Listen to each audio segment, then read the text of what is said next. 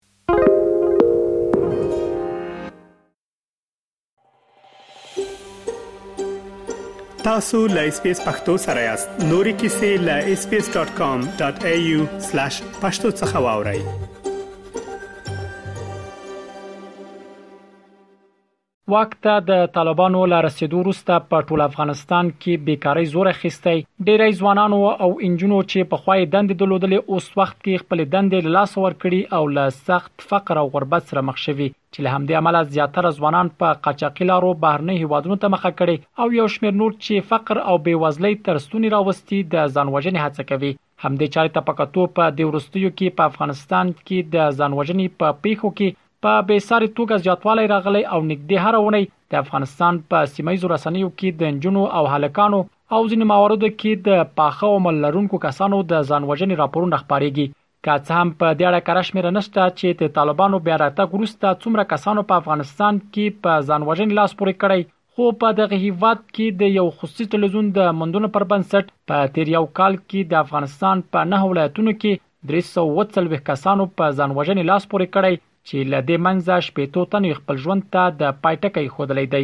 دغه خصوصي رسنۍ د خپل مندونو په پایله کې د افغانستان بدخشان ولایت د ځان وژنې د 251 دوسیو په لرلو سره د دې نوملړ په سر کې راوستی وو د دغو مندونو پر اساس د ځان وژنو په پیښو کې د هلکانو په پرتله د نجونو شمیر زیات خودل شوی وو په تازه مورد کې بیا همدا روانه اونۍ د بدخشان ولایت مرکز فیض آباد کې د کورنۍ تاوتریخوالي لامل یو ځواني خزې ځان وژنه کړې او یو پاخه عمر لرونکي سړي هم د تخار په ینګین قلعه ولسوالۍ کې د وسلې په واسطه ځان وژلی دی بې وزلي، بې کاري او کورنۍ تاوتریخوالی تر ډېره په افغانستان کې د ځان وژنې د پېښو د زیاتېدو عمده لاملونه ښودل کېږي. ارواپوهان بیا وايي، په افغانستان کې روان کړکېچن اقتصادي او سیاسي وضعیت دغه ناخوالې غوښني کړي چې ورسره د ځان وژنې یا خودکشۍ ګراف هم لوړ شوی. ارواپوهې تمنا روحاني اس بي اس راډیو سره په خبرو کې په دې اړه وویل، په افغانستان کې ډېری خلک له فقر، کورني تاوتریخوالي او اقتصادي ستونزو څخه رنځ وړي او همدا د دې لامل ګرځي چې یو کس ځان وژنه یا خودکشي وکړي.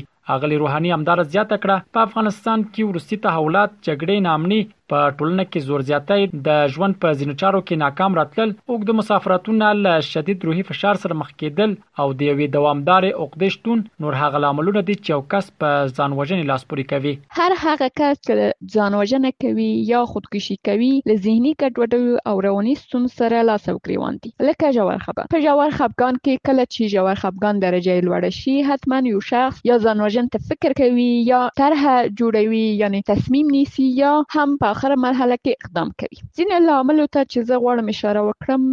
هغه کسان چې ځان وژنې ته اقدام کوي ځینې لوی لاملونه لري ځینې لوی دلایل لري چې دوی وروسته اقدام خودکشي ته کوي زموږ په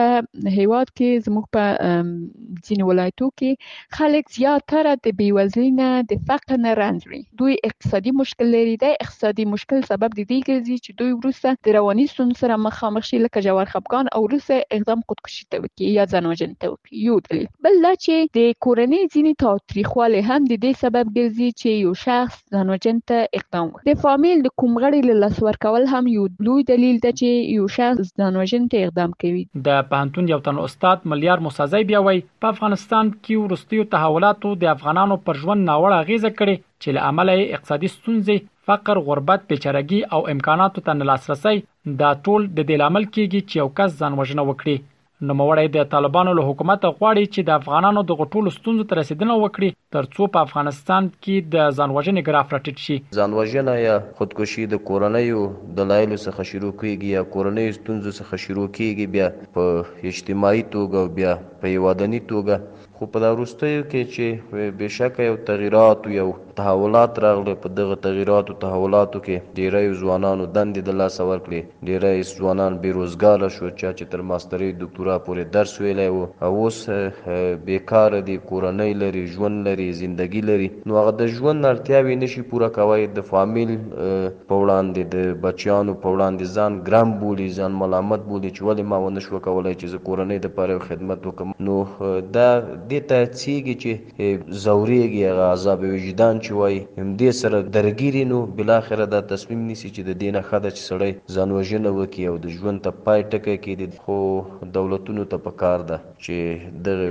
مسایلو ته رسیدګي وکړي تر څو دغه د خودکشي یا د ځان وژنې ګرافت راټیټ شي. د رواني ناروغۍ روغتیا پلان بیا وایي، په افغانستان کې اکثریت وګړي له رواني بد وضعیت څخه ځورېږي او همدا لامل دی چې په افغاني ټولنه کې د ځان وژنې یا خودکشۍ کچه ورځ تر بلې مخ په زیاتېدو ده. د دې ناروغۍ روغتیاپال ډاکټر امیرخان ایس بي ایس راډیو ته وویل، بېکاري، اقتصادي ستونزې، کډوالۍ بې سوادي او په ځانګړي ډول رواني روغتیا ته نه پاملرنه د دې لامل ګرځي چې خلک په ځان وژنه لاس پورې کړي. ځان وژنه د ټولو عصبي او رواني ناروغیو د یو ستر احتمالي ګواښ په حیث پېژندل شوې ده. دا چې په افغاني ټولنه کې د رواني ناروغیو ټول عوامل په څرګند ډول شتون لري، اکثریت وګړي د رواني بد وضعیت څخه ځورېږي، نو همدا علت دی چې ځان وژنې کچه ورځ تر بله په افغاني ټولنه کې په زیاتېدو ده. علتونه یې واضح او څرګند دي، بېروزګاري، اقتصادي ستونزې، مهاجرت، بېسوادي او په ځانګړي ډول باندې په افغاني ټولنه کې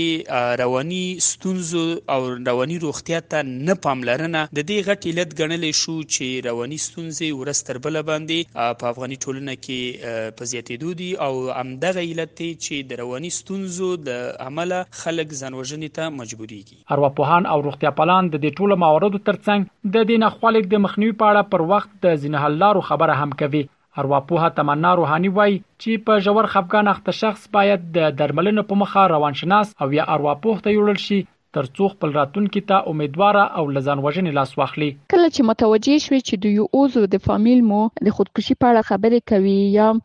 خودکشي په اړه ځان سره فکر کوي یا تاسو ته کوم وخت ویلي چې زه غواړم مړه شم یا مړ شم یا نه نور ژوند په درد نه لګیږي یعنی په دې معنی ده چې هغه شخص د خودکشي په اړه فکر کړی ده او بیا هم که پوهیدی چې بیا هم د نفر خودکشي ته اقدام کوي کوشش وکړئ حتما یو روانشناس یا ارواپوه ته مراجعه وکړئ او دوی بوزئ ترڅو درملنه یې وشي ترڅو دوی ژوند ته امیدوار شي او د ځان وژنې نه مخنیوي وشي د معلوماتو لمخې پر افغانستان د طالبانو حاکمیت او د جمهوریت نظام لنګیدو سره شاوخوا 2 میلیونه کسان بیروزګار شوي دي